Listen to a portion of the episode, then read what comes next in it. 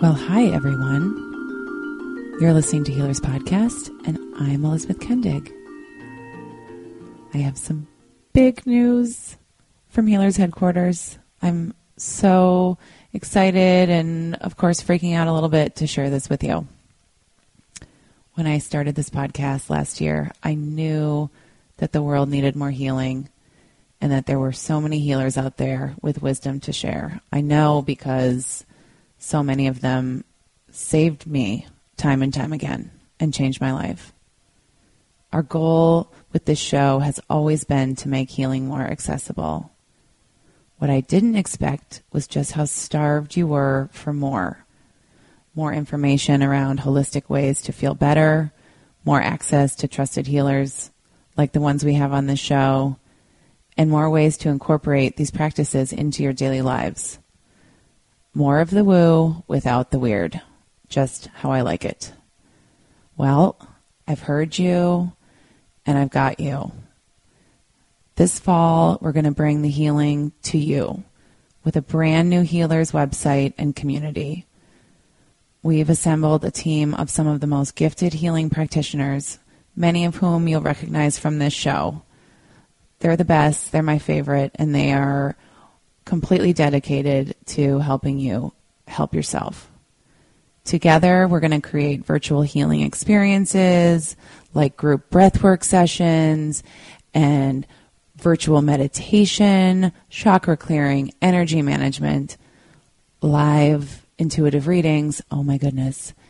And more of these conversations that are designed to take you deeper on your path to really feeling whole and connecting to your higher self and your purpose on this planet.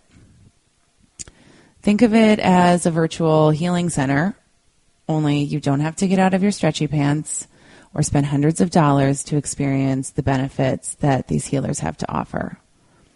There'll be plenty of woo woo content and also a first of its kind membership program that we've also heard again and again would benefit so many. We are over the moon to meet you wherever you are on your healing path and connect you with each other too. There'll be a space for all of you to support and love on each other and feel less alone in this sometimes weird world that we've created and that we love so much. So get excited because the miracles are coming.